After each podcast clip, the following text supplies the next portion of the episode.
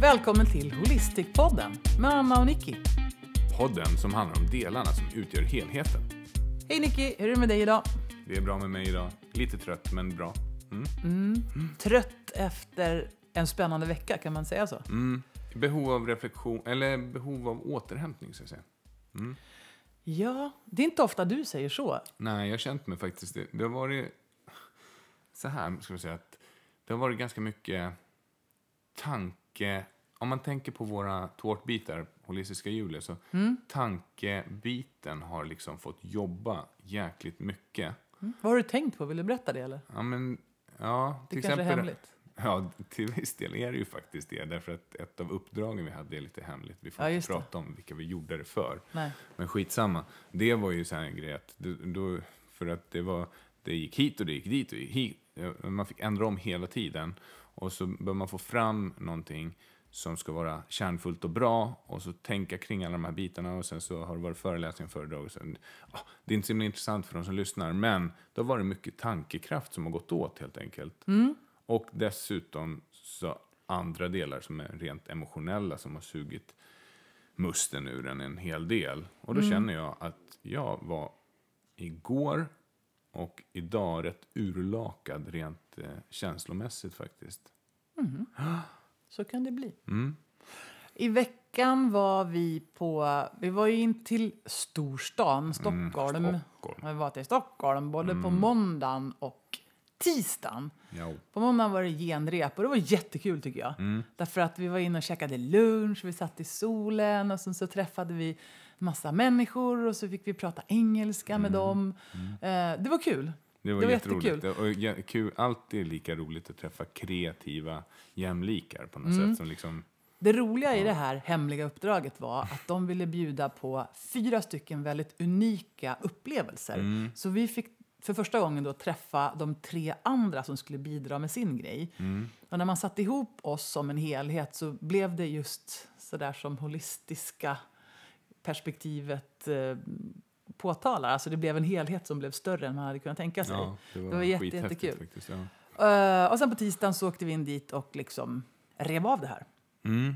Vi gjorde fyra stycken liknande, så här TED-talk-liknande Mm. föredrag från en scen. Och sen så var det fyra stycken grupper som då liksom roterade runt på de här upplevelsestationerna. Mm. Och vi pratade om confidence. Yes. Och det var deltagare från precis hela världen som var med på den här konferensen. Så vi hade dels en grupp som var mer människor från eh, asiatiska länder. Och sen så hade vi en grupp som var mer med människor från USA och England. Och sen så var det en grupp som man kallade för Europe. Och sen så var det en grupp till som var någon sorts mix. Eh, det var ganska spännande Det var roligt. träffa så många olika människor. Och alla har ju lite olika bakgrund och man förstår ju det när man pratar med folk. Man, mm. Ja, men ändå så är det så här att det är rätt kul. Det här är en typisk sån här sak som är universell. Alltså det är samma oavsett liksom vart man befinner sig till stora delar. Även om det kulturella spelar in i begreppet confidence. Som betyder vad då förresten på engelska? Själva ordet confidence betyder ju tillit, tilltro om man slår upp det. Och ska man då titta på självförtroende, då heter ju det self-confidence. Och självkänsla heter self-esteem. Så i engelskan så är det mycket svårare att mixa ihop begreppen än vad det är på svenska. Ja, fast det andra, esteem, kan man säga esteem och kan man säga confidence? Eller kan man, man kan säga, och på svenska är det ju förtroende och känsla för någonting. Och det är ju Och självtillit. självtillit. Som är ytterligare ett Ja. begrepp. Hur som helst, det gjorde vi på måndagen och tisdagen. Mm. Sen var det en onsdag, det var iväg på ett spännande möte på morgonen där. Det blev man helt slut av. Mm. Ja. Och sen på torsdagen och fredagen Mm. så arrangerade vi powerdagarna åt Tandläkarförbundet. Tandläkarförbundets kurser, ja. Just precis, ute på Körunda. Mm, så det blev ju två intensiva dagar med ett väldigt speciellt gäng. Där jag tror att både du och jag kände att vi klickade på en gång Ja, med den här var, gruppen. ja, och man vet ju aldrig när man får nya grupper. Vi jobbar ju mycket med nya grupper. Liksom, Mm. Varje månad träffar vi nya grupper på sånt sätt. Och, Mm. och det, var, det var riktigt kul. Och det roliga med Tandläkarförbundets kurser är att de erbjuder ju kurser för alla kategorier på, på klinikerna. Det vill säga, tandläkare, tandhygienister, tandsköterskor och receptionspersonal. Mm. Så att det blir ju det blir en rolig mix av människor. Och vad är det som är utmärkande med de här? Anna? Vad, skulle du säga en sak? De har så himla fina tänder, det har jag verkligen kollat på. De har det, de har Ja, okej. jättefina Jag tänder. tänkte på en annan sak. Ja, Berätta vad du tänkte på. Jag tänkte på att alltså, när man frågar dem hur länge de har jobbat, då är det så här löjliga siffror. Ah, jag har jobbat i 30 år, 40 år, jag har jobbat 45 år. Alltså, det är få människor som säger så här, nej, jag har bara jobbat i några år, eh, för jag jobbade med andra saker. De går de här utbildningarna och sen jobbar de med det resten av livet, verkar det som. Det är lite häftigt faktiskt. det är häftigt. Ja. Det är kul att få träffa ganska många redan tandläkare och fler kommer det ju bli eftersom vi fortsätter ha kurser med dem. Eh, Men just på powerdagarna så handlade det väldigt mycket om, när vi har kurser så vill vi ju, nu var det du ordinarie kursgivare ska jag säga. Och jag fick äran att ta med dig. Och och jag fick jättebra. vara med och bidra lite grann. Det var jättekul. Mm. Och ehm, det man vill när man har såna här grupper det är liksom att skapa någon sorts påverkan som blir varaktig. Därför att när man åker på såna här grejer så är det ju jättekul och man kommer iväg och bor på hotell och man äter fint och dricker fint och så får man träna och sådär. Och det är ju kul. Men efter ett tag så är det där en färskvara och det vi vill det är att man ska få med sig någonting som blir bestående. Det är någonting som vi verkligen har gemensamt. Vi, Mm. det, jag, jag skulle inte tycka att det var kul att göra en kurs och sen bara... Spelar roll hur det går. Jag, jag, vill, jag vill, jag vill, jag vill, jag vill. Jag vill på jätteriktigt att folk ska få med sig någonting som är viktigt på riktigt. Och det coola är att det är bara de som avgör det. Därför att vi håller föreläsningar, workshops, vi driver processer, vi gör massa olika övningar. Och så vet man aldrig vad som ska dyka upp. Det är kul. Nej. Alltså, kunskapen och vetskapen om vad som behöver ske finns ju inom var och en. Vi står för verktygen och processerna och det där är coolt. Jag tror att en grej där som jag tycker, jag har försökt analysera oss själva när vi jobbar med människor, det är att vi är ganska orädda. Alltså när det kommer till age- interagerandet med andra människor och individer. Att vi kör, ja verkligen. Och vågar liksom utmana och våga vara de här kursgivarna i mitten som ska leverera. Och det tycker jag är häftigt. Och just med det coachande, katalyserande coachingen som hela tiden genomsyrar allt, så blir det ju coola resultat. Jag tror att deltagarna inte alltid tänker på det, utan de känner resultatet. Jag tycker du är väldigt modig i alla fall. Tack. Eh, Du vågar göra massa grejer. Du, så idag Mm. ska vi prata om ämnet självkänsla. Och vissa ämnen känns ju som att de är mer viktiga och grundläggande än andra. Och jag tror att självkänsla är så otroligt viktigt. För så många saker. Mm. Så om vi pratar om det, vad tror du att det kan leda fram till? Att vi får ett eh, bättre rykte om oss själva.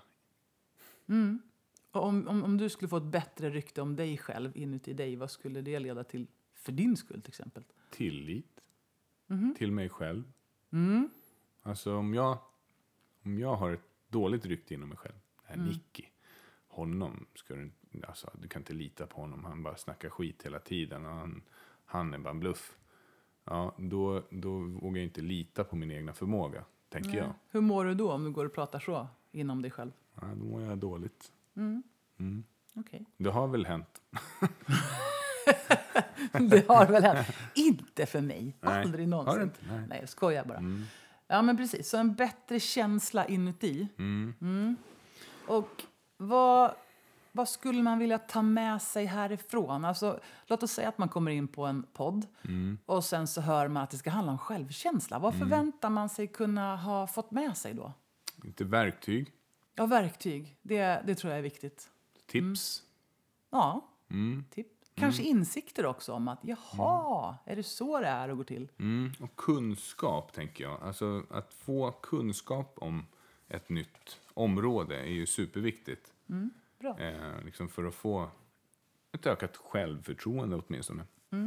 Men för att kunna få det här, då, vilka frågor blir det viktigt att vi lyfter idag? Då? Jo, frågan om vad är det för skillnad på självkänsla och självförtroende? Den tar vi. Vad mer ska vi ta tag i idag? Ehm, vad kan det leda till om, om det är bra eller dåligt. Ja, just det. Vad leder dålig självkänsla till och vad leder bra självkänsla till? Mm. Och så en självklar grej då, vad är det då? tänker jag. Ja, men hur gör man för att träna upp sin självkänsla? Ja, just det, den ja. Mm. den är- måste den vi ta med. Ja. Den tar vi med. ja, den tar vi med. Bra, då Mm. kör vi. Då skulle jag vilja börja med Mm. och säga så här. Att skillnaden mellan självkänsla och Mm. självförtroende det är ungefär samma sak som skillnaden mellan att vara och att göra. Mm. Så man brukar säga så här att självförtroende det är när man vet sig kunna göra någonting bra eller prestera någonting bra. Mhm. Mm. Medan självkänsla, det handlar mer om den man är. Mm. Vad tänker du om det? Ja, jag tänker att det här med prestation är ganska intressant. Att det inte bara har med självförtroende att göra. För jag kan tycka, för min egen del då, så tror jag att jag har alltid haft ganska bra självförtroende. Jag har väldigt ofta tänkt att det är klart att jag kan det. Och sen så har jag gjort de sakerna och så har det känts som att ja, det kunde jag. Mm. Och då tror jag att det är väldigt tajt sammanlinkat med självkänsla inom den kategorin. Hur då tänker du? Jo, att jag, tror att du, jag tror att man kan ha självkänsla på olika områden. Du, du hade nog en väldigt god självkänsla även när det kom till dig eh, som eh, simmaren eller atleten. Det är ju något som du definierar dig med. Ditt rykte om dig själv som simmare var ju väldigt gott och din tilltro till din egna förmåga var väldigt hög. Men sen kanske man kommer i ett annat, en annan kontext. Kanske man plötsligt hamnar i ett nytt, på ett nytt område, ny mark. Nu ska du plötsligt göra det här som man inte kan någonting om. Då har man ingen självförtroende och en självkänsla säger att det där kan inte du. Och då, då blir man liksom sänkt. Så tänker jag. Mm, jag fattar. Ja. Så jag kan tycka att eh, jag kan fortfarande ha ganska hög, högt självförtroende kring grejer. Jag tror att det är en av orsakerna till att vi till exempel har arrangerat kurser, resor, events, öppnat egna företag och tagit oss an lokaler med stora hyror och så där. Det känns som att ja, men det är väl klart att jag... Det red jag ut. Ja. Det löser sig. Ja. Medan däremot självkänslan ä- är jag liksom... Ja, man brukar ju säga så här att en låg självkänsla, då har man en återkommande känsla av att vara en bluff.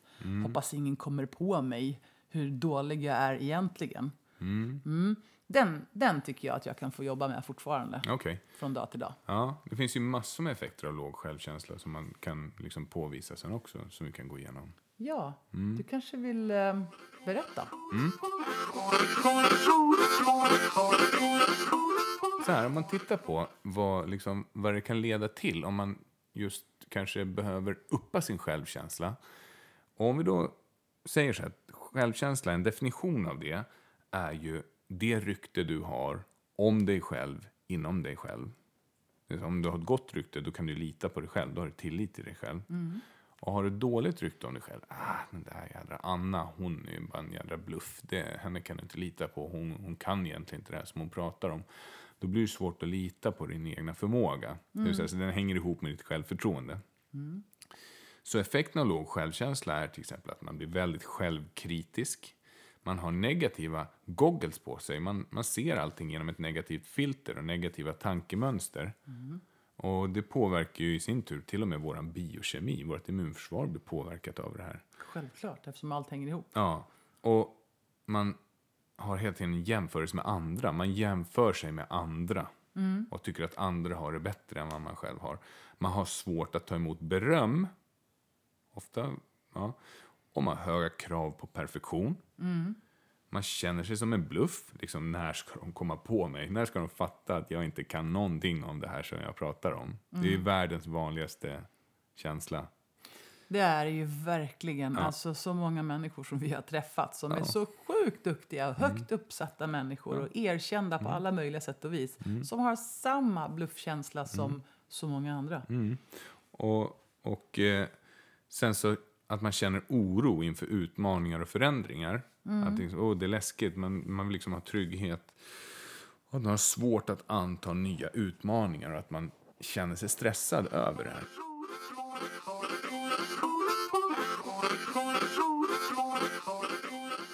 Mm. Det är liksom effekter av det här. Då kan tänka sig, vad, vad skulle det leda till om man, in, om man slapp känna alla de här sakerna? Ja, Självklart mer energi och mer engagemang. Mer Det balans kan i också livet. bli självupptagna. Och man kan känna ett behov av att prata lite skit om andra. Ja. Därför att om man själv känner sig dålig, Mm. och by the way, det är ju inte så det funkar. Att känna sig dålig är ju ingen grundkänsla. Det är ett aktivt tankeval som man gör. Ja. Man tänker att man är dålig. Och tankar kan man ju välja. Så om man känner sig dålig, då brukar det ofta kännas lite bättre om man får prata lite skit om andra människor runt omkring en. Just det. Eh, och det funkar ju inte. Alltså det funkar inte på lång sikt. Men det här kallar man ju för krabbeffekten. Mhm, Varför, varför det? Jo, om du lägger en massa krabbor i en hink och så bara eh, väntar du ett tag. Då är det så här att om, en, om du har en krabba i hinken då kommer du att behöva ett lock på därför att den krabban kommer kunna De klättra är upp. duktiga på att klättra liksom. De är ganska duktiga på att klättra. Men har du flera krabbor där i, då behöver du inte ha ett lock på. Därför att om en krabba börjar klättra, då kommer de andra att riva ner den. kan man lite- känna igen. Lite så här kan det ju fungera ibland. Att om en person i en grupp människor eller på en arbetsplats eller så där är väldigt duktiga och lyckas väldigt bra. Då kommer de andra kanske känna att nu vart det jobbigt. Ska den där personen vara så här bra? Jag vill riva ner den här personen till våran nivå. Ja, precis. Mm. Om det är människor som har dålig självkänsla runt omkring en också. Mm. Så därför kommer vi senare att prata om hur viktigt det är att bekräfta både sig själv och andra. Ja, och Mm. just att acceptera sina svagare sidor. För annars blir man lätt kritisk mot andra istället. Precis. Ehm, man styrs av rädslor när man har låg självkänsla. Och man har lätt för att hamna i konflikt och känna sig missförstådd hela tiden. Så det här är ett tecken på att man kanske behöver träna lite mer på sin självkänsla. Nu ska man få lite tips på sen kanske. I, Det längre podden. är ju att självkänsla, det är ungefär som en slapp muskulatur. Den går att träna upp. Dålig kondis kan man också jämföra med. Det går att träna upp. Och det kan vara så att det är lite av en färskvara. Tony Robbins pratar mycket om att man behöver condition yourself. Mm. Det det är är, ingenting som man gör en gång och sen så är det klart. Utan det här är någonting, ett sätt, en rutin för att möta sig själv och vara med sig själv. omprogrammering. Uppdatering av programvaran kanske. Det lät mycket, mycket bättre faktiskt. Mm. Okej, men så vi har pratat om att det är skillnad på att vara och göra. Mm. Och där vill jag bara dra en historia. För att Mia Törnblom är ju drottningen av självkänsla skulle jag vilja säga, i Sverige. Hon har skrivit mycket bra och levererat mycket, mycket bra innehåll kring självkänsla. Och jag var på en föreläsning för henne för många, många år sedan på ett Nike-konvent faktiskt. Och hon var jätterolig och Fan, skrattade synd att de massor. konventen är slut by the way. Ja, de var fantastiska. Sjukt bra. Mm. Och då berättade hon så här att hon har väldigt bra självförtroende men hade sämre självkänsla. Och hon ville dra en liknelse med, det var en kille som sa till henne, för hon var fotbollsspelare, så hade han sagt att eh, tjejer kan ju inte spela fotboll. Nähä. Och då kände hon att hennes självförtroende var så pass starkt så att hon sa det ska jag visa dig. Och om hennes självkänsla hade varit lika stark så hade hon inte behövt bevisa någonting. Nej, just det. Utan då hade det räckt med att veta inom sig att det vet ju jag visst det, att jag kan. Det är en ganska bra definition. Nu hoppas jag att jag inte har felciterat allt för mycket för det här var ur minnet. Men Du fick med essensen av det. jag hoppas det. Själva grejen det här med att, att veta att man kan något. Men också tryggheten i att jag har ingenting att bevisa. Jag måste inte bevisa någonting. Nej, just det. Mm, det där kan ju vara bra att ta med sig när man funderar vidare på det här med självkänsla och självförtroende. Så det här hemliga uppdraget som vi gjorde.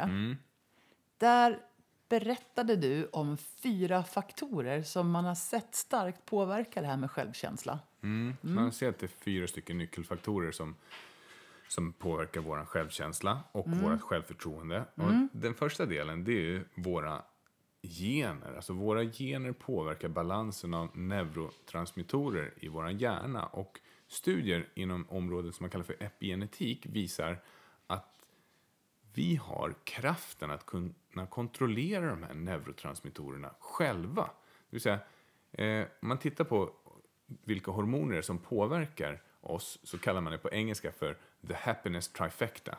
Det är dopamin, oxytocin och serotonin. Så dopamin påverkar vår lyckokänsla, vår känsla av hopp och eh, påverkar då våra tankar. Vi blir automatiskt mer lösningsfokuserade. Oxytocin ger oss en känsla av lugn och ro och trygghet. Och serotonin ger en känsla, en jag-stärkande känsla. Man känner sig liksom nöjd.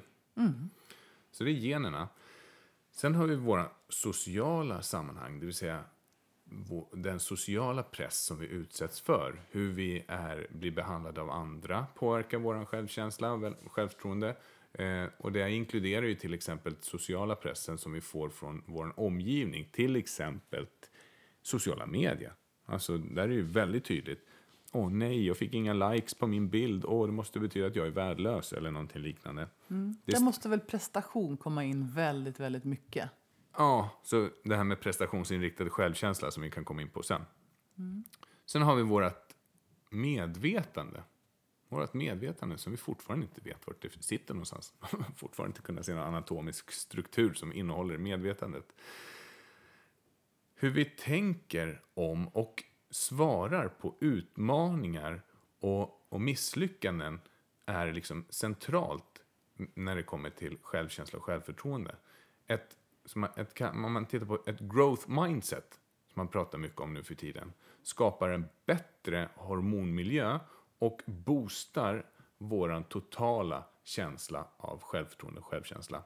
Eh, och, och det visar sig att till och med forskning visar att ett growth mindset, det stöds verkligen av neuro, neuroforskningen som finns om hjärnan. Man ser att det påverkar definitivt vår självkänsla. Tittar man på Engelska skolan så har ju de till exempel det som central grej att man ska bygga ett growth mindset, ett lösningsfokuserat mindset där man visar på uthållighet till exempel och l- lösningsfokus. Ja, men skillnaden på fixed mindset och growth mindset det är väl egentligen tron på att man är föränderlig och har möjlighet att förbättras.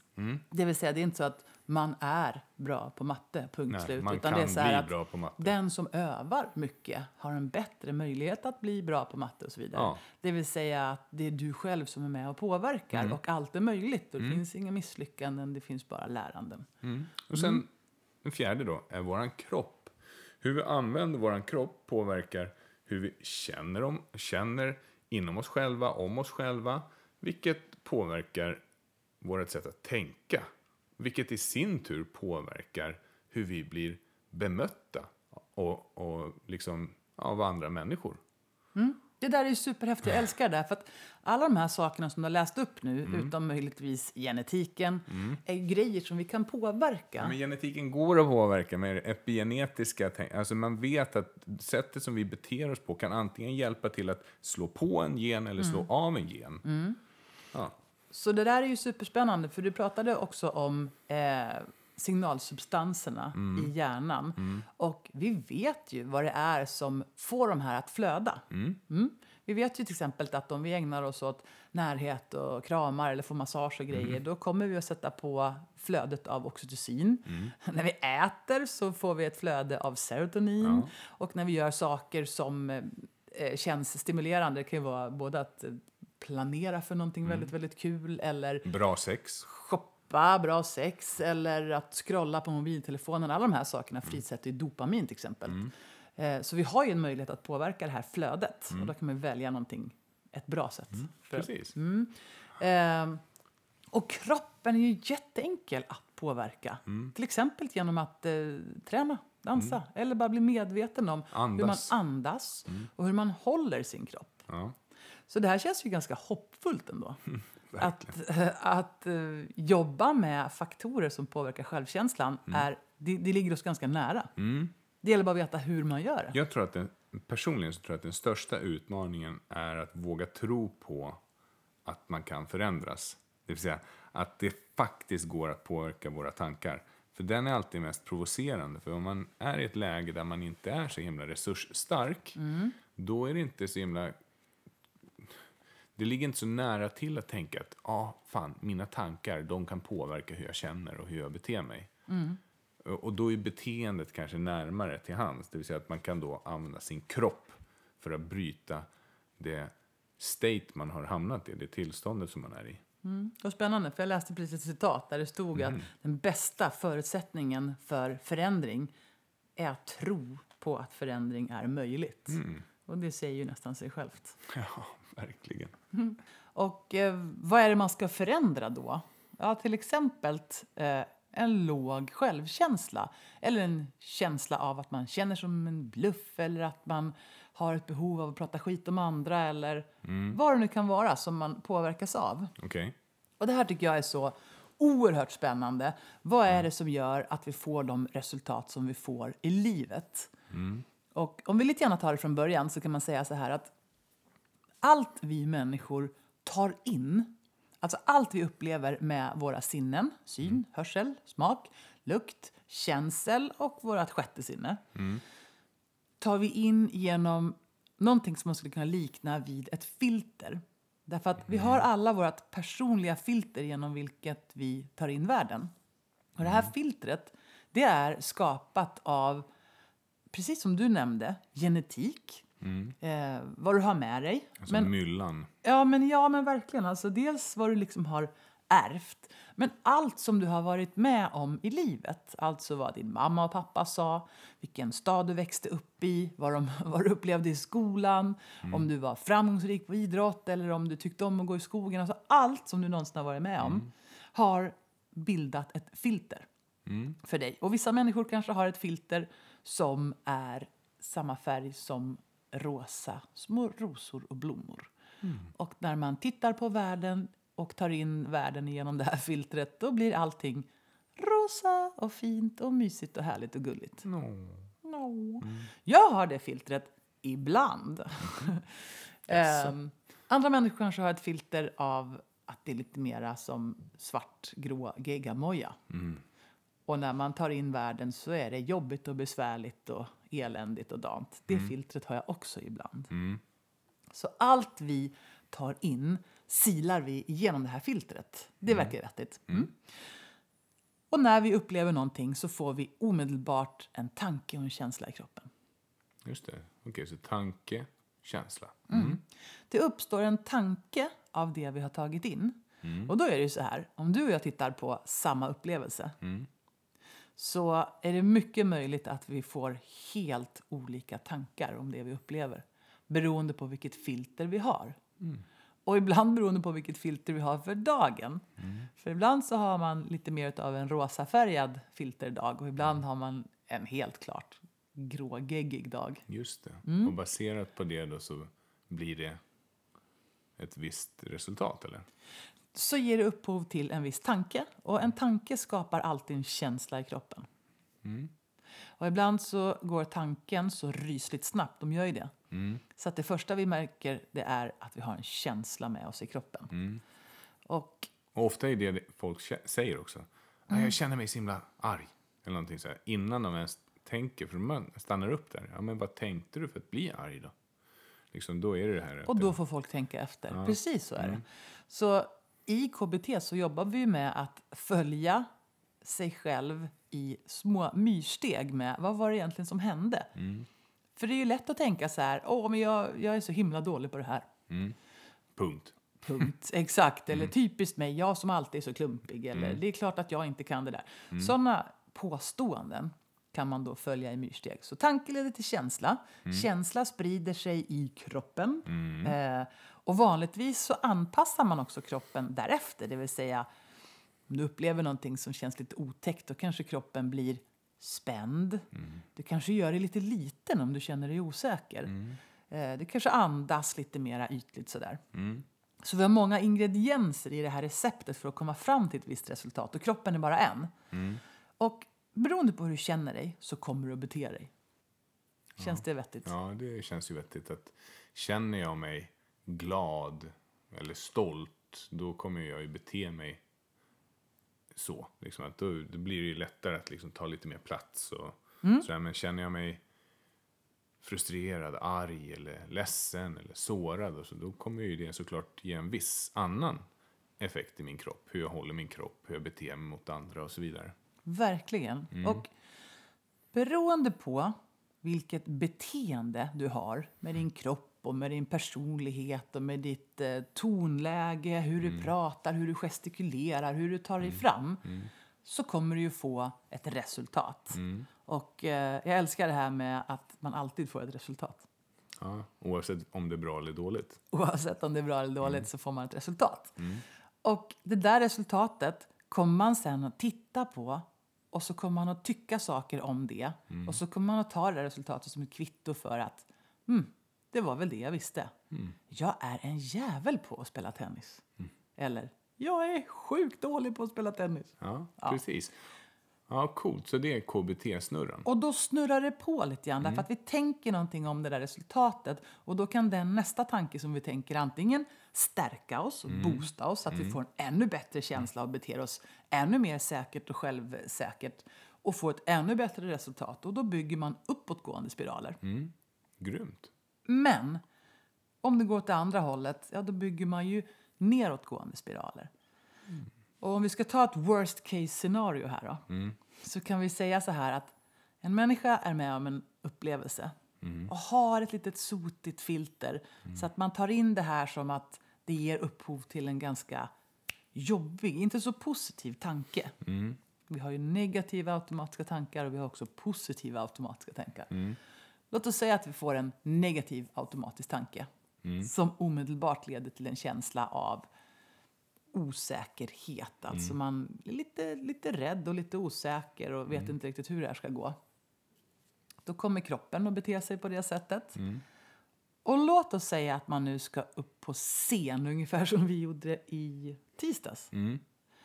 Och man ska gå upp på scenen och man är ganska övertygad om att det här kommer aldrig att gå.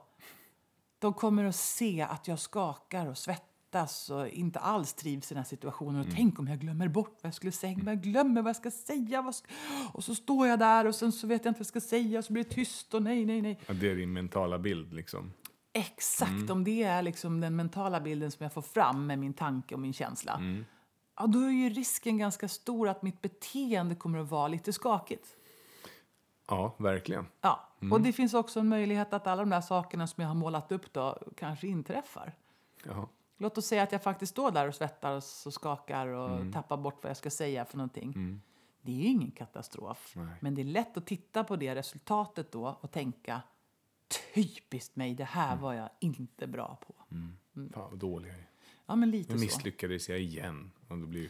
Ja. Ja, och det här tror jag alla kan relatera till. Att Det är ganska så lätt att fokusera på problemen. Och då är det också lätt att bygga en sån här så kallad vicious cycle, det vill säga en nedåtgående spiral.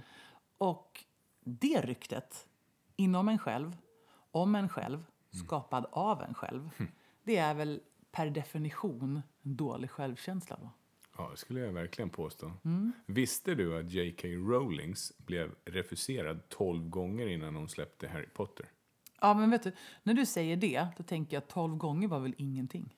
Nej, men 12 förlag liksom. Det. Jo, men ändå, man har hört talas om de här som har gått till 80 förlag, 90 förlag och inte liksom Men fått någon... fatta vad surt av de 12 då som har refuserat henne. Och det är världens mest säljande bok någonsin. Om hon hade tagit det som ett misslyckande, då hade det ju inte blivit något Harry Potter. Och jag älskar ju Harry Potter. Jag förbannar mig själv dock att inte det är jag som har skrivit Hungerspelen. Tänk om det hade varit det. Ja, men du är ju Katniss. Jag vet, så jag hade ju kunnat skriva om mig själv. Det är ju i och för sig, när man tänker på det, det är ju en klockren liksom självcoaching-grej. Du föreställer dig som Katniss, det gör ju att du kan klistra på dig hennes självförtroende. Eller själv, ja vad det nu är. I alla fall så blir det en, en, en mental bild som du kan ta på dig ibland. Det är ju väldigt just det. NLP. -igt. Det kallas ju för modellering det där. Ja. Och det är, en väldigt, det är en av de sakerna som man kan använda. För att nu har vi målat upp en bild av den här möjligheten att bygga uppåtgående och nedåtgående spiraler. Vi har en skogsslinga som vi springer. Jaha. Och, och, sen, och sen på ett ställe så säger du alltid samma sak varje gång. Ah, det här är så himla, det här är precis som hungerspelen. Och, och jag är ju Katniss. Nu försökte jag ju gå vidare lite snyggt från, Ja. från min hang-up på att vara Katniss. Ja. Kan vi göra det? Ja, det kan vi göra. Vi kan prata mer om det sen. Ja. Så nu har vi pratat om möjligheten att eh, bygga uppåtgående och nedåtgående spiraler och sprida ett rykte inom sig själv. Och det är ju så himla lätt att tro på det här ryktet. Och när man då eventuellt får stanna upp och känna men jag vill, jag vill ha ett annat resultat. Då är det också lätt att tänka så här, ah, fast det går ju inte, för jag vet ju ändå att jag inte kan eller att jag inte duger till eller vad det nu kan vara för någonting. Och det där med ryktesspridning är intressant. Det är precis som med viskningsleken. Alltså, det filtreras ju genom flera personers öron och hjärnor innan det kommer fram till andra så betyder det någonting helt annat i slutändan. Samma sak är ju det här mentala filtret som du pratar om. Det, det förvräng, förvränger och förvrider ju sanningen. Eh, och till, slut så är det där ryktet inte värt någonting. Liksom. Och det här filtret, man börjar med det då. Upplevelser kommer vi ju att ha hela tiden. Och problem kommer vi också alltid att ha. Därför att den som inte har några problem, den är förmodligen död. ja. Alltså livet består av problem. Det kommer alltid att finnas problem och saker som inte blir som vi har tänkt oss och inte blir som vi vill. Och det kommer hela tiden att hända. Så frågan är ju egentligen hur vi tar oss an de här problemen. Precis. Och om man då tittar på det här filtret så brukar man säga att det ser ut ungefär som en piltavla.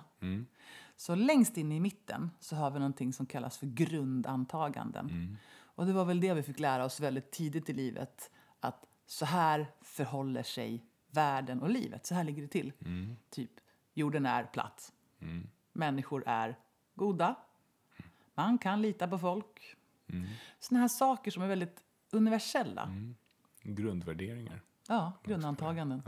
Och utanför det så skapar man sig då en herrans massa livsregler. Och det här gör vi ju för att vi inte ska behöva gå hela vägen in i själen och tänka efter vid varenda liten beslut vi ska ta. Utan vi har ett antal livsregler. Så för mig skulle det kunna vara så här, man talar sanning. Det gör man ju bara. Eh, man vill ju följa lagen, det är ju helt självklart. Och eh, ja, men du vet. Man röstar. Man röstar, precis, det har vi gjort idag. Massor med sådana här saker är så självklara i min värld. Och utifrån de här grundantagandena och livsreglerna så skapar man ju då sina automatiska tankar. De där som går så snabbt så man inte riktigt hinner råda på dem. Och det främsta om man vill förändra sitt filter, det är att om man ibland kan komma åt de här allra djupaste övertygelserna. Och till exempel komma på att det är nog faktiskt inte så att jorden är platt. Det förefaller vara så att jorden är rund. Gisses, vad ska det nu leda till? Mm. Tänk om Då gått- kan jag ju sticka ut på havet och segla utan att trilla Mm. över kanten. Det blir såna här livsavgörande förändringar när man kommer in i kärnan och får Mm. Man förändra en grundvärdering. en sak hela sitt liv och så plötsligt så är det någonting som bara motbevisar fullständigt. Mm. Fatta vilken effekt det skulle ha. Ja, men verkligen. Är Jag, jorden inte platt? Jag hade ett sånt där antagande som inte alls är så revolutionerande. Men det var för några år sedan när jag ville cykla Vätternrundan. Och inte hade anmält mig, inte hade någon biljett och inte heller hade cyklat de här 100 milen i förberedande träning. Som man ju ska göra. Och då kan man säga att det var en grundvärdering. Och så pratade jag med min coach och sa det är så tråkigt. Jag hade velat köra Vätternrundan. Men det går ju inte. Går det inte? Nej, nej, nej, det går inte alltså för jag har inte tränat. Har du inte tränat? Jo, jo, jag har tränat, men jag har inte cyklat 100 mil utomhus. Måste man det då? Ja. Måste man det? Ja, eller... Eh, nej, måste tror jag inte att... Nej, nej det kanske man inte måste. Ja. Och så hux flux så skaffade jag en biljett och sen så fick jag vara med om hela upplevelsen. Ja, det det. var Så hur påverkade det din själv, ditt självförtroende då och din självkänsla? Ja, men det var ju framförallt väldigt bejakande. För jag ville ju sticka ner lite och cykla på vinst och förlust. Ja, jag tänker så här, i efterhand. Mm. Hur påverkade ditt, ditt självförtroende i efterhand? Jag blev ju stärkt helt klart Mm. av handlingskraften och av att jag klarade av det och att jag vågade Mm. och att jag fick eh, förändra en förutfattad mening. Så det var jättebra på många sätt. Ja, och på något sätt så är det ju så att om du gör saker som känns läskiga, om du gör saker du är rädd för och sen visar för din hjärna och ditt nervsystem att du faktiskt har klarat av det här, då kommer ju hjärnan tänka att oj, wow, eh, vad hände? Du, nu klarade ju vi av det här. Eh, det här känns bra. Och så får man massa skjutsar av de här må bra-hormonerna Och så ankrar nervsystemet in det här så att man nästa gång ska göra den här läskiga saken känner att mm, men det här kan ju jag redan. Exakt. Och det är det här som är så coolt när man då Man pratar har om den här... förtroende för sig själv. Ja, självförtroende. Och om man då pratar om den här KBT-snurran så pratar jag nu om det första steget. Att eventuellt ibland kan man förändra sina grundläggande antaganden, alltså sina universella sanningar. Men man kan också gå in och förändra precis var som helst egentligen. Så ett bra jättetips, det är ju till exempel att om du hamnar i en situation där du känner dig osäker, sträck på kroppen, lyft din bröstkorg, andas helt och djupt och fullständigt. Fibbla inte med händer och fingrar utan ha en öppen, stark kroppshållning och stadig blick. Som om du var precis så där stark och självkänslig. Just det, som är ett. Självsäker. Som är ett av våra tips också som vi kommer bjussa på sen. Just precis. Alltså själva som om. Ja, jag är bara på KBT-snurran och pratar. Och det man också kan göra, det är ju att ställa sig själv frågan om jag har en negativ tanke och jag får fatt på den, då kan man också ställa sig själv frågan vad skulle jag behöva tänka för att få en annan känsla? Eller vad skulle jag behöva tänka för att få en bättre känsla i kroppen? Och då, man kan ju använda problemlösarfrågor också. Mm. Typ, vad är det som är så himla bra med det här problemet? Mm. Det tvingar ju in tanken till ett annat fokus. För, Mm. Vad skulle kunna vara bra? ja, vad är det som inte är helt perfekt ännu? Mm.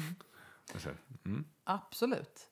Så man kan använda en förändring av en tanke. Man kan också använda sig av att försöka förändra sin känsla först. Hur gör man det då? Ja, hur gör man det? Till exempel spela riktigt bra musik som du tycker om. Gärna med mycket bas. Ja, det är ju en förändrad känsla i kroppen, helt klart. Eh, man kan äta någonting som man tycker smakar bra för stunden. Eh, vad kan man mer göra för att förändra sin Ja, kan känsla? ta massage. Mm, Man kan titta på någonting fint och bra. Ja, man kan klä på sig roliga kläder. Eller... Ja, men precis. Mm. Så det finns många små saker man kan göra för att förändra sitt känsloläge. Gå ut och gå, göra armhävningar, whatever. Man kan också förändra sitt beteende. Och det här jobbar man väldigt mycket med, till exempel när man har haft väldigt mycket ångest och börjar undvika saker. Då jobbar man mycket med beteendeterapi, alltså att utsätta sig för det som man tycker känns läskigt eller farligt eller skrämmande. Och sen vara väldigt medveten om vad man är med om. Och man kan också använda sig av att tolka det resultat man får på ett bättre och mer givande sätt. Man måste inte säga äh, det där var skit, jag ska aldrig göra om det.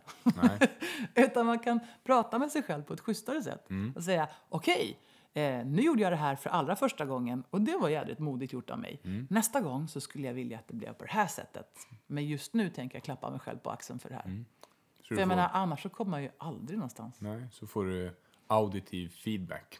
Mm, auditiv, kinestetisk, vad som helst. Allt möjligt. Mm. Så det finns så många bra verktyg att ta till. Men det är som med allt annat. Det är bara det som du kan committa till och göra som kommer att göra någon skillnad för dig. Så länge som du bara tänker på det eller fascineras av det så stannar det där. Det är återigen då det här, allting sker två gånger. En Mm. gång i huvudet, i fantasin, Ja, och en gång i verkligheten. ja precis. Häftigt. Ja, men spännande. Du, jag har en sak som jag gärna skulle vilja ta upp också. Det är det här som handlar om prestationsbaserad självkänsla. Spännande, berätta. Ja, det är ju då... Jag känner att jag får relatera redan nu. Men...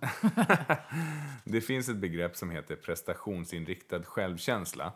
Eh, och eh, det är framtaget av en psykolog och forskare som heter Lennart Hallsten på Karolinska institutet. Och det här innebär att man har låg självkänsla som är prestationsbaserad. Det vill säga, självkänslan påverkas av vad man presterar och hur prestationerna erkänns av andra. Nu förstår jag ingenting. Nej, okej. Man överpresterar och överarbetar uppgifter ofta för att man är osäker på om man duger. Alltså, man blir aldrig good enough.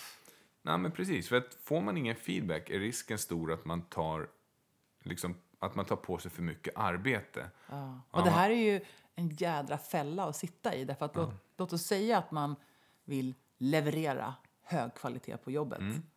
Och så har du en chef som just nu är tokstressad och inte närvarande nog att ge bra feedback.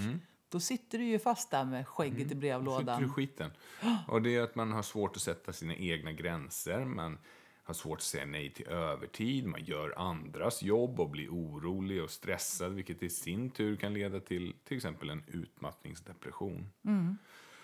Och det här är ju tyvärr då någonting som drabbar många kvinnor. Genom ja, men det här man brukar kalla det för duktig flicka-syndromet. Med sjukskrivningar som följd och allt vad det innebär av social eh, press. Liksom. Så, eh, ja, vad tänker du om det då?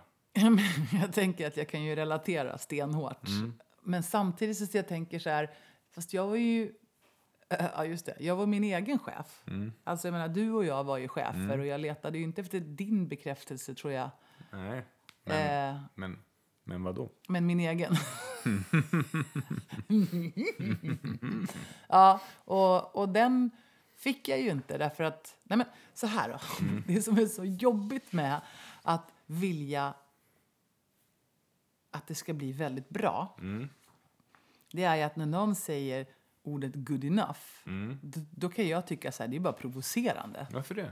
Därför att det är ju inte good enough. jag vet ju det. Okej. Nej, men så här, jag tycker jag har kommit en bit på vägen. Så jag försöker bena ut i liksom hur det var då. Jag tycker inte att jag är perfektionist på det sättet.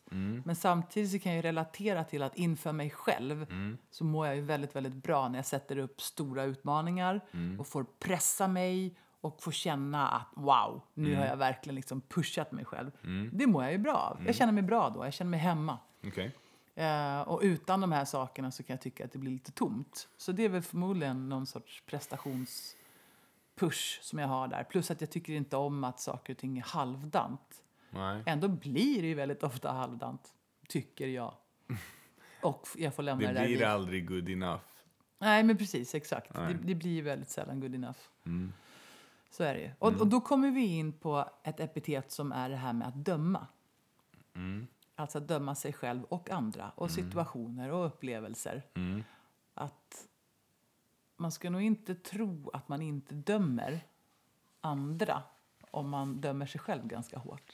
Nej, det är väl bra. För att det är så som man själv tänker om sig själv så Mm. tänk, beter man sig mot andra. Och så vidare, och så vidare. Mm. Definitivt. Känner du att du är så här, har du duktig flicka-syndromet? Nej. Det var nej rakt av. Ja. Nej, men så här. Har du jag, någon sån där äh, grej som du känner att du liksom... Jo, jag har en kritiker inom mig. Den är ju ganska stenhård emellanåt. Men Men den kritiken kräver ju liksom inte leverans och prestation direkt. jo, Gör den? Ja, men vadå? inte på samma sätt som för dig tror jag. Men, men jag, jag känner att jag behöver göra vissa saker bra. Det, det kan vara helt ologiska saker för andra människor. Men för mig så är vissa saker viktiga. Och det kan vara allt ifrån att det ska, ett visst ord skulle ha använts istället för det som jag använde istället. Eller någonting liknande. Skitfjantiga grejer. Oj, det är sånt där som jag aldrig får reda på. Mm. Nej. Eller? Nej. Vadå, kan du slå på dig själv för det? Non intressante. Kan du göra det? Ja, men slå och slå. Nej, men det är inte så. Det är inte... Men eh, om ska, istället då, det som det jag gör oftare, det är ju faktiskt att jag är ganska nöjd många gånger. Alltså det är good enough. Eh, och det här kan ju bli... Good enough för dig, men inte för mig. Ja, men precis. Och det, det här är ett... Det, här kan bli ett skav då, oss emellan. Därför att för Ofta. mig är det good enough och för dig är det aldrig good enough. Aldrig stämmer inte. Aldrig men vi har good, olika Det är good enough. aldrig good enough. Nej, det stämmer inte. Men, men vi har lite olika tankar om Ja. good enough. Till exempel hemma Mm. Eh, med städning och sånt. Så ibland i andra grejer Mm. så känner jag att när du är nöjd då, då tycker jag att det inte alls är bra. Nej. Så får man kämpa lite. Det Men eh, och ibland så är det verkligen, alltså som när vi jobbar ihop, det är ju sömlöst många gånger. Det är bara kör och så blir det skitbra. Men där tycker jag vi kommer ganska långt Mm. att man kan jämka lite fram och tillbaks. Alltså, där, Eller också till och med få, få synergistverkan. Alltså vi kan ibland bli bättre bara Ja, men det tror jag ihop. absolut att det blir. Men jag känner att jag behöver släppa ganska mycket för att vi ska kunna jobba ihop. jag måste Och tänk så bra det blir då när du släpper saker. Ja, till viss del. Till viss Ja. del.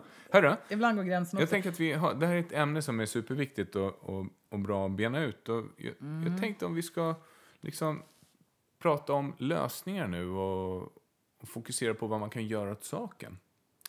För nu har vi pratat ganska mycket om själva problemen som det innebär.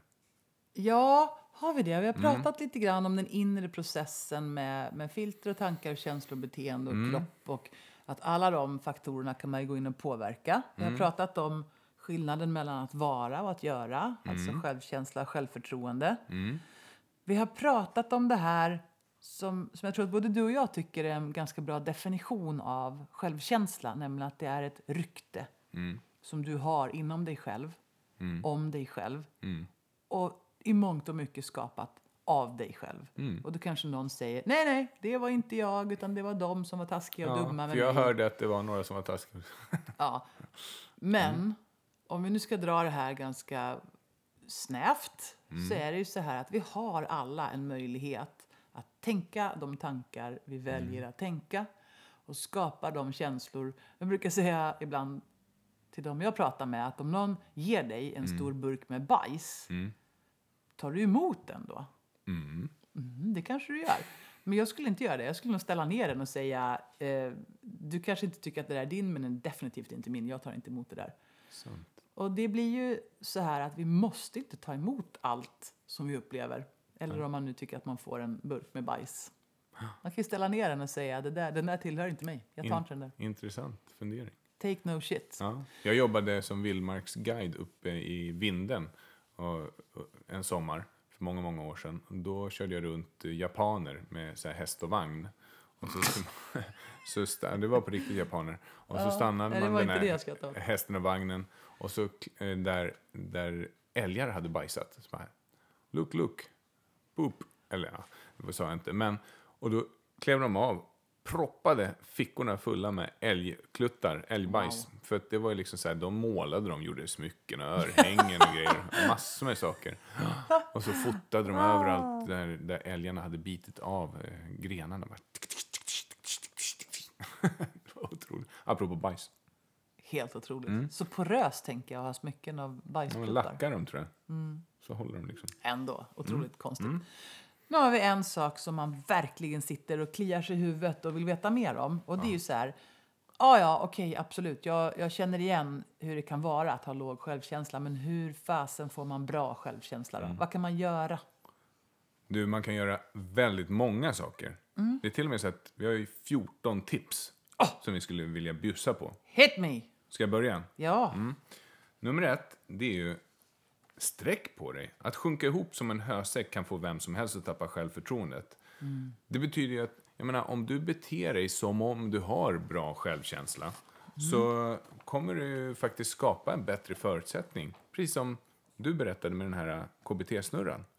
och det här kallas ju för biofeedback. Och det är lite omtwistat därför att det, fanns ju, det finns ju en kvinna som heter Amy Cuddy som har gjort fantastiska TED-talks om eh, biofeedback och vikten av kroppshållning och såna här saker. Jag vet, men då kan man ju testa det här. Alltså, om du sitter ner nu, ställ dig upp, så sträcker du på dig, ta ett djupt andetag för bak skuldror och axlar och så blundar du och så föreställer du en inre bild av att du ska precis gå upp på podiet och ta emot en olympisk guldmedalj för att du har vunnit en, en OS-gren i vilken idrott det nu än må vara. Och när du kliver upp där så kan du föreställa dig hur du hör publikens jubel och alla skriker. Du känner den här medaljen hänga runt halsen, över bröstkorgen, sträcker på dig, andas. Och då kan jag lova att känslan som kommer av det är definitivt en annan än när du satt ner i soffan alldeles nyss. Tips nummer två. Kunskap ger ökat självförtroende. Och det är klart att det är så. Så att eh, ge sig själv gåvan av att fylla på sin kunskapsbank gör ju att man kommer vidare med en känsla av att vara stärkt i att det här kan jag. Mm. Så till exempel, läs en bok. Mm. Har du några tips? Boktips? Ja. Oj! På, på ämnet tänker du då? Mm. Mia Törnblom har ju skrivit väldigt många böcker om just precis självkänsla. Och hon är ju drottningen av självkänsla. Hon är ju rolig och eh, vass. Ja. Och skriver och läser in sina egna böcker själv. Det är ju en poäng att lyssna när just hon läser in sina böcker tycker jag. Så den kan vara bra. Men om man vill fylla på sin kunskapsbank om annat än självkänsla så är det ju så här att läs om sånt som du tycker är kul. Eller det vi brukar göra. Vi brukar ju lyssna väldigt mycket på faktaböcker, eh, faktapoddar. Vi brukar titta på dokumentärer och så får man lära sig om allt möjligt. Nationalparkerna i USA eller världens högsta hus eller vad det kan vara. The Happy Pill är ju ganska bra i sammanhanget också. Ja, alltså hjärnstark. Nej, men jag menar inte den. Jag menade Habits of a Happy Brain. Den är fantastisk. Den har vi tipsat om många gånger. Mm. It's my favorite. Habits of a happy brain. Hörru, nummer tre. Gör något du har skjutit upp under en längre tid. Vad har du på din att göra-lista som har suttit där länge? Gå och gör det direkt, nu, på en gång. För att det enda sättet att komma åt ett prokrastinerande beteende, det är faktiskt att göra en sak nu på en gång. Så att det där som du känner att oh, det där borde jag ha gjort. Jag kan säga att jag har ganska många sådana på min lista. Men om man börjar beta av en sak i taget så kommer man så småningom närmare målet och man känner direkt att självförtroendet och självkänslan stiger. Du som är ganska bra på att skjuta upp saker. Hur känns det att ha en hel Alltså, lång idiot. Mm. lista med grejer som inte blivit gjorda? Nej, men det är inget kul. Det är ju, men bara att den här listan blir längre och längre. Det är det som är jobbigt. Och hur känns det inuti då när det blir så? Alltså, mysigt. Hur blir det med självkänslan? Men om du Nej. tar en grej och liksom så här, stänger dörren som du brukar säga. Mm, eller stänger frågorna. Ja, men det, det är ju... Det, men det blir direkt bra. Alltså om man gjort det, typ enkel grej, klippa gräsmattan. Åh, jag, jag borde göra det. Och så gör man det till slut. Så muttrar man runt där på gräsmattan och klipper klart. Och direkt när den är klar så känns det toppen. Alltså då är man skitnöjd. Och då får man ett rykte om sig själv av att Mm. vara en sån där som får saker och ting gjort. Så då kanske man tar tag i nästa punkt Mm. och känner sig lite stärkt. Verkligen. Okej. Tips nummer fyra, det här Ja. älskar jag. Agera som om du redan hade vanan och beteendet som du önskar. Det här är så himla bra. Och här kommer väl modellering in lite grann. Ja. Att om du inte är en fena på det här som du vill vara bra på, då måste man tillåta sig själv att vara nybörjare. Det är ju bara så. Och då är det jättebra att modellera ett beteende som man tycker är bra. Därför att jag menar, man kan inte kunna allt från början. Det här vet jag vad jag pratar om, därför att en gång i tiden så ville jag så förtvivlat gärna vara en bra aerobikinstruktör. Och let's face it, jag var absolut inte bra. Men jag började i alla fall och min önskan var så stark så att även fast jag fick feedback om att ja, men det, var inte, det var inte så bra. Det kunde jag ju både se och förstå på de som var med på mina stackars pass där i början att det var ju uselt Okej. så modellerade jag dem som var bra. Och varje gång som jag gick in i salen så var man ju tvungen att gå in med den här uh, fake it till you make it-andan.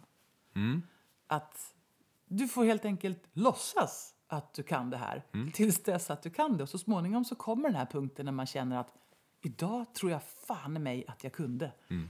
Och sen dess har vi sett massor med människor eh, växa upp. Alltså vi har anställt människor som inte är instruktörer.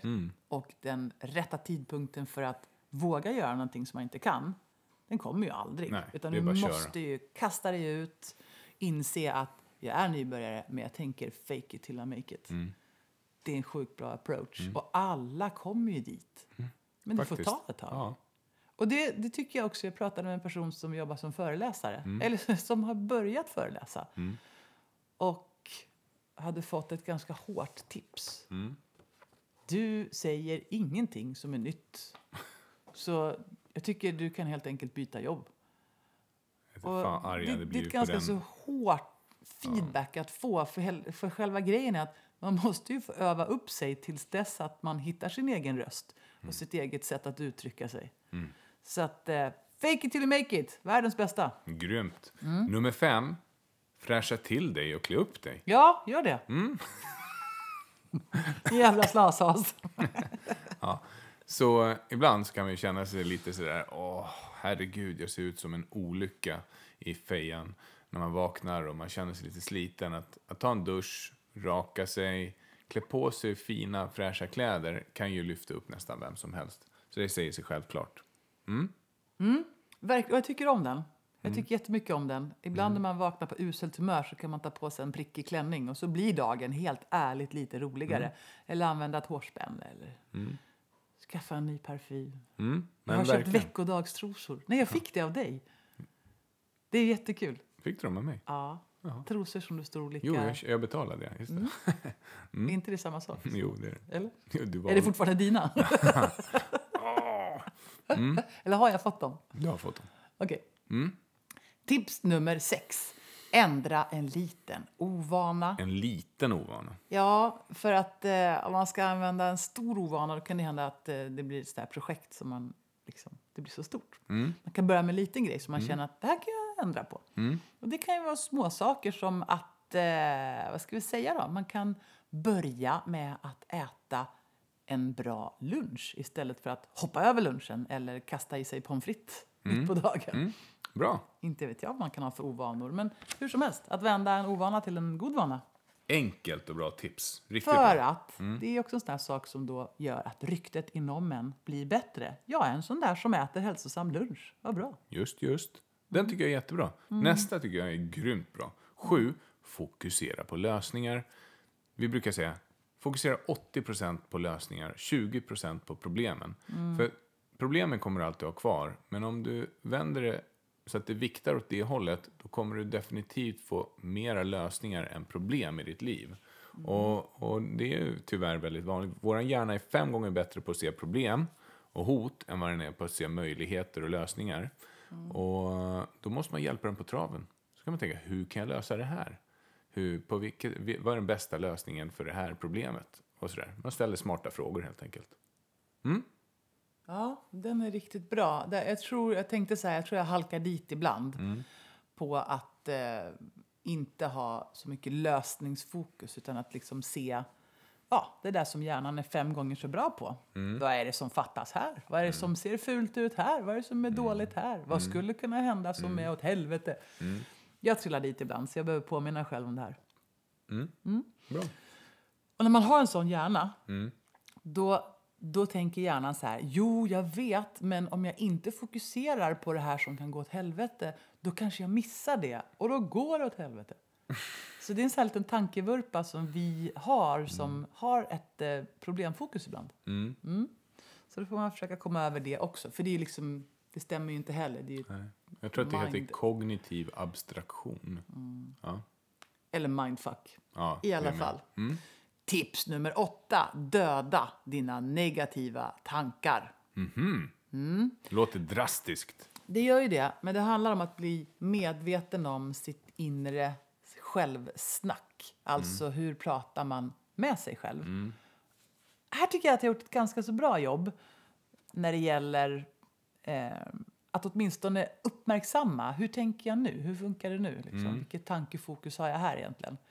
Så när du tänker negativt, alltså så här är det, du fokuserar på, det får du mer av. Och om man fokuserar på problem och jobbiga saker och dåliga saker, eller till exempel om man tittar sig själv i spegeln och ser vad som är dåligt och så känner man att "Åh, jag är dålig. Då blir man raskt bra på att se fler saker som inte duger till på sig själv. Och så småningom så behöver man bara titta snabbt i spegeln och så ser man blä!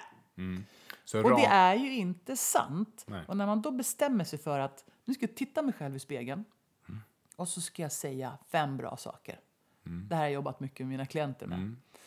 Och då så tittar man i spegeln och så säger man det finns ju inte fem bra saker. Nej, men då får du liksom anstränga dig. Och då börjar man titta efter, men vad är det som är fint? Vad är det som är bra? Vad skulle kunna vara fint? Vad skulle kunna duga till? Och ganska snabbt så blir man bättre på det. Och så småningom så får man en helt annan känsla inför sig själv. Du får ett helt annat rykte inom sig själv. Och från den punkten så är det många saker som är möjliga. Bland annat utveckling i kroppen men också i själen. Men det är min absoluta övertygelse att det börjar där. Coolt. Jag brukar alltid ge mina klienter en uppgift att säga fem bra saker på varje finger på ena handen. Så du har En bra sak på tummen, en bra sak på pekfingret, långfingret, ringfingret och lillfingret. Smart. Och så fick de det här i läxa. Och det är sjukt effektivt. Det händer bra saker därifrån. Härligt. Lite ett sätt att ändra ramarna kring det som du tänker. Ja, och att alltid komma ihåg, i och med att alltid ha handen med dig och fingrarna så kan man göra, till och med när man ligger i sängen på kvällen, så bara just jag skulle säga fem bra saker om mig själv. Härligt när Milo börjar dricka så här mitt i här. Man hör det. Men vi kan gå vidare Ja, vi går ändå. vidare Fokusera ändå. inte på det du. Nej, ska inte fokusera på. Nej, men det var bara gulligt. Mm. Okej. Fint att vi har en hund. Eh, nummer nio. Var medveten om rädslan, men gör det ändå. Det vill säga, vi, Do it anyway! vi växer genom att fejsa våra rädslor. Det är det som bygger mod. Att vara modig är att göra någonting som man är rädd för, men gör det ändå. Och det gäller att medvetandegöra vad är jag är rädd för egentligen. Och så när man har medvetandegjort det så gör man ändå. Mm. Världens enklaste tips, men ganska svårt att genomföra ibland. Men bra att träna på, va? Mm. Därför att om man vågar göra en sån grej, då blir man ju omedelbart stärkt Mm. av det. Och då har du genast med dig lite push i- Mm. Man kan bagaget. börja, ja, man kan börja med små saker. Liksom Göra någonting så här som man är, Jag har aldrig åkt buss förut, alltså om det skulle vara på riktigt då. Det är kanske någon som aldrig åkt buss, för det oh, det är lite orolig för att åka buss. Och så gör man det, bara för att liksom klara av det. Jag har aldrig åkt, jag, när jag var i Göteborg, jag har aldrig åkt eh, spårvagn i Göteborg förut. Och så gör man det ändå, bara se hur det går. Det finns ett uttryck som heter do one thing every day that scares you. Mm. Och det ligger så jädra mycket i det här uttrycket att om man tar för vana att göra en sak som skrämmer en. Mm. Vi var i London en gång och gick på glödande kol. Och det var ingen stor payoff därför att jag var inte ett skit rädd för att gå på glödande Nej, kol. inte jag heller faktiskt. Nej. Det är så sjukt, för jag tänkte så här, men, nu är 10 000 personer som ska gå över glödande kol. Ja. Det är klart det inte kan vara så farligt. Då hade de inte låtit folk göra det. Exakt! Mm. Medan det finns andra saker som kan verka störtlöjliga Mm. men som man på riktigt drar sig för. Eh, typ ring upp någon som du eh, inte har pratat med på länge som Mm. du skulle behöva säga någonting till. Det kan ju vara sjukt mycket skrämmande. Mm. Mycket mer skrämmande. Så att det här med att söka upp sånt som faktiskt känns obehagligt och jobbigt och göra det, det tror jag är väldigt utvecklande. Mm. Och boostande för självkänslan. Verkligen. Mm. Ja, tips nummer 10. Förbered dig. Mhm. Vad tänker du om det? Ja, det är ju riktigt bra sätt att skapa ordning och reda inne i huvudet. Du är jätteduktig på att förbereda dig. Jag är inte lika bra på det.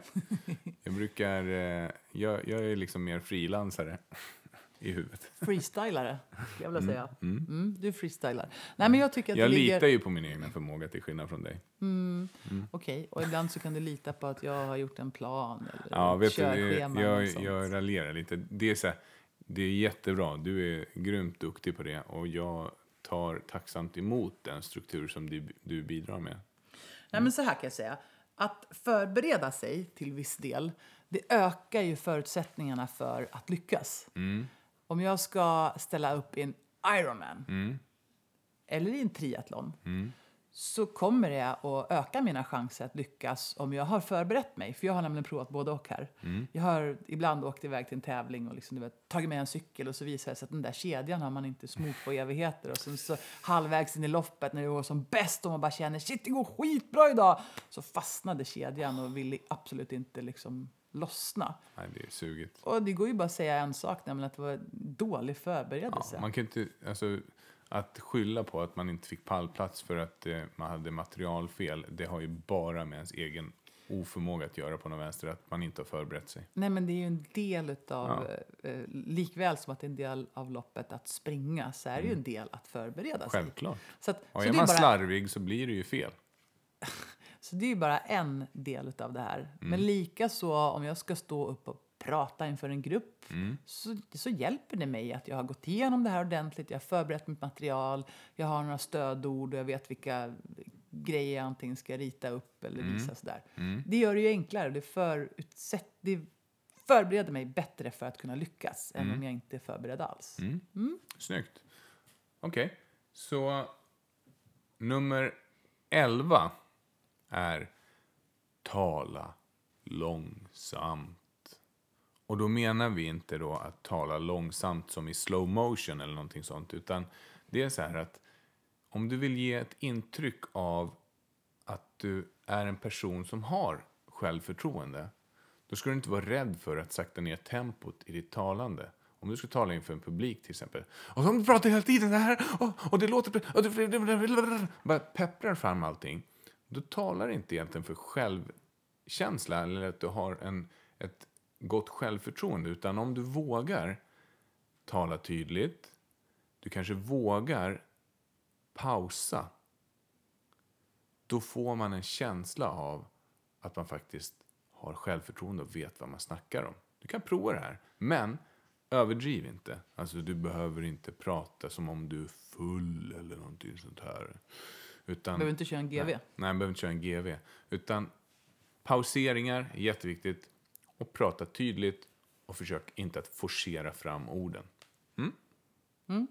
Det är bra. Och det, har, det hör ju ihop med det här med kroppen om man går tillbaka till KBT-snurran. Att så som du använder kroppsspråket och då är ju en del då, är ju tone of voice, alltså hur du använder styrkan i rösten, eh, långsamhet eller snabbhet i rösten. Så bra.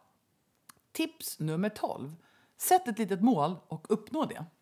Och det här är ganska så coolt. Det blir ju som ett sätt att träna upp sina målmuskler.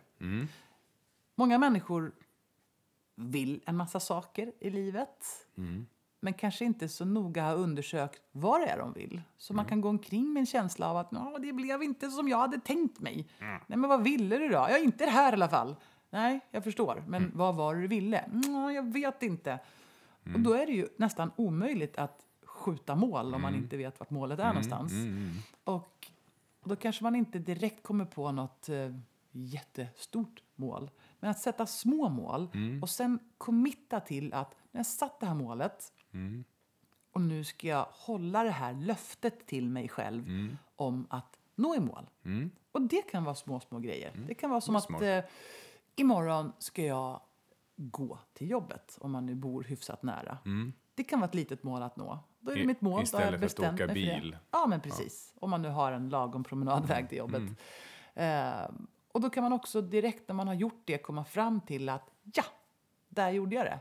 Jag höll mitt löfte, jag klarade det här. Och det är ett fantastiskt sätt att både då träna upp sina målmuskler, bevisa för sig själv att man är en sån som når sina mål och som håller sina löften. Och det här sprider ju omedelbart goda rykten inom en själv. Och egentligen om man tittar på det så når vi ju ganska många mål varje dag. Varje dag. Idag ska jag äta chips. Ja, jag klarar det. Imorgon Nej. ska jag kliva upp ur sängen. Nej, men så här. Det finns ju ganska många saker som man skulle kunna målsätta kring som är liksom en liten förbättring av det man annars gör. Snyggt! Ja. Okej, nummer 13 handlar om autenticitet. Att vara kongruent och att bli en person som gör det du säger att du ska göra. Hålla vad du lovar och så vidare. Och det här är ju en utmaning, men samma sak som med att liksom utföra någonting som du tyckt var jobbigt och så göra det ändå. Att hålla dig till det som du har lovat, att hålla löften, är ju superviktigt. De gånger i livet där jag inte har hållit de löften som jag har uttalat så känns det ju inte bara tråkigt hos den som har blivit lovad någonting utan det känns också väldigt dåligt att svika ett löfte. Och det är ju påverkar självklart självkänslan. Om du kan hålla dig till det du lovar, då blir du stolt. Och när du blir stolt, då är det så att stolthet, det är ju det som tar udden av skam. Och när du slipper skämmas, ja då mår du bättre. Det är många bra saker som händer när man slipper gå omkring med skam och skuld, eller hur? Mm. Nej, men jag tycker också det att när man ger ett löfte till sig själv och sen inbefriar det löftet, då är det ju som att man kan lita på sig själv. Och det bygger ju då självtillit, om inte annat. Mm. Och det fjortonde och sista tipset, Yes. det är en riktig slägga! Uff. Motionera! Nej! Jo, Fan, vilket otippat tips. Ja. Motion creates emotion. Och när vi tränar då frisätts det en massa underbara hormoner i vår kropp. Bland annat dopamin som vi sa var så avgörande och viktigt. Och när vi tränar så blir vi oändligt mycket mer eh, lösningsfokuserade i vårt tänk. Och när vi tränar så har vi sett att vi stärker vår självkänsla, vårt självförtroende. Det har man gjort mätningar på. Så att träna regelbundet är ju ett supertips. Därför att det stärker självkänslan, det har direkt med din kroppshållning att göra som i sin tur signalerar till dig själv att det här är bra grejer. Fortsätt med det här. Snyggt. Och träning är ju någonting som vi tipsar om i ganska många fall. Det verkar vara som någon sorts universalmedel. Ja, det är ju det. Det är konstigt att inte alla gör det. Jag tror, att, jag tror att eh, alla som lyssnar på det här kommer att välja att göra det. Ja. Ja. Ja. Alla som har en hjärna borde ju träna. Men du, då, har vi gett, då har vi pratat igenom en hel del saker kring självkänsla och självförtroende. Och vi har också givit 14 tips. Och då behöver man inte ta alla, man kan ju ta ett. Börja med ett. Ja, Ja, ta verkligen. Det är ett alla, liksom- var ett är ju ett riktigt bra tips. Så att, mm. Men om jag skulle få fråga dig då. Det kan vara en upprepning eller det kan vara någonting nytt. Men ditt bästa tips, ditt bästa personliga tips för att få bättre självkänsla. Du måste ju ha provat en del. Genom åren. Jaha. Nej men alltså det har ju jag också. jag är på det humöret idag. Mm. Ja, mitt bästa tips för att få bättre självkänsla det är nog att ändra din inre dialog. Att Mm. vara snäll med dig själv inuti huvudet. Att ge dig själv space, ge dig själv utrymme till att få lyckas och känna dig good enough. Alltså det är för mig döden för självkänslan när jag är för kritisk mot mig själv. Vet du, det är så himla lustigt därför att det blir exakt samma tips för mig. Nej, Det här med att, kan inte härmas. jo men för att det är det bästa. Okej. Därför att det här med att bekräfta sig själv och se sina behov och tillfredsställa dem, det är ju superfint.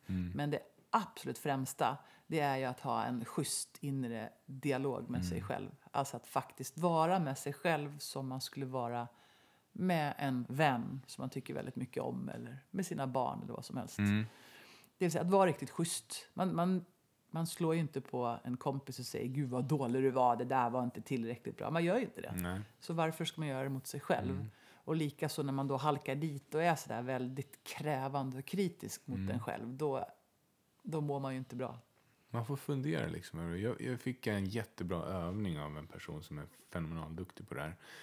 Hon gav mig ett tips om att föreställ dig alla roller, liksom alla identifikationer som du har om dig själv, av dig själv. Typ att där är, har jag identifikationen av min pappa i mig själv, eller min mamma, eller kritiken, eller naprapaten, eller vad, vad det nu än må vara. Så åtta stycken identifikationer. Så föreställer du dem, så sitter du någonstans på en stol och så har du en massa föremål runt omkring dig förmodligen. Så lägger du de här identifikationerna i de olika föremålen en, bort bit, en bit bort från dig. Mm. Och sen sluter du ögonen och så föreställer du dig att de här identifikationerna fortfarande är på håll. De är inte i dig längre. Och så kan du mentalt försöka få dem att flyta ännu längre bort. Resultatet av det här är att du blir helt tom. Du blir du, den du är. Och då är du väldigt ren i tanken och det kan man använda som en meditationsteknik. Super, super skönt. Prova den. Lite snabbt tips. Det var väldigt fint. Mm. Det har fått sjukt många tips och saker att prova. Mm. Ja. Så vi ville prata om självkänsla och självförtroende. Mm. Vad gjorde vi då? Jag tycker vi gjorde det. Ja, vi gjorde Verkligen, det. Ja. ja. Det kändes som att vi liksom gick igenom en hel del grundläggande saker idag. Verkligen. Och eh, vad vill du att det här ska leda fram till då? Prata om självkänsla. Bättre mående. Bättre mående. Mm. Där satte du ju verkligen huvudet på spiken. Boom! Eh, och ett, ett delmål då, då? Om vi tänker att bättre självkänsla kommer att leda till bättre mående. Vad är ett vettigt delmål som man skulle kunna sätta upp då? Om man ska träna upp sina målmuskler liksom. Målmuskler. Mm. Ja, men det skulle vara att, eh, att nä- nästkommande vecka som kommer så ska jag ha provat åtminstone ett av de här tipsen. Det var jättebra. Grymt. Men du, om det blir så som vanligt då, att liksom, jo, jag vet, jag skulle, borde ha haft gjort det, men jag, jag hade inte tid. Vad, vad, vad ska man Då göra då? säger man till sig själv. Det är ingen fara. J.K. Rowlings misslyckades ju minst 12 gånger med att få sin bok publicerad. Mm. Och sen kom det. Så att du gör lite misstag som du sen kan lära dig någonting nytt av, det är ingen fara. Det är en naturlig del av processen. Schysst. Mm. Det känns som att den största, viktigaste ledtråden som jag tar med mig härifrån som en så här kom ihåg-grej, det är att faktiskt ha en schysst inre dialog. Alltså att stå vid sin egen sida. Eller som mina lärare sa på utbildningen, stå kvar i dina egna skor. Den är fin. Den är jättefin. Därför att eh, om det är ett par bra skor så tycker jag att man ska stå kvar i dem. Mm. Fint, hörru. Det var jättefint. Nu, nu säger vi hej då och jag längtar efter att få podda och prata med våra lyssnare nästa gång. Men nu är vi klara för idag. Så med en ganska skön känsla och ytterligare igång så ett, en påminnelse om vad som är viktigt. Tjabba tjena hallå. Hej då! Och vill ni nå oss på ett enkelt sätt så når ni oss via sociala medier till exempel på formholistic eller formholistic på Facebook. Och ni kan också nå oss via LinkedIn eller följ oss på LinkedIn på Formholistic Leadership. Det går jättebra att mejla oss också på formholistic@gmail.com. Vi blir jätteglada för all feedback som vi får och alla skriverier som ni skickar in till oss. Det gör oss verkligen varma i hjärtat, så fortsätt med det. Och eh, ha koll på vad vi pysslar med, för det kommer hända massa saker in i framtiden. Så ha koll på kalendern. Se till så att du följer oss.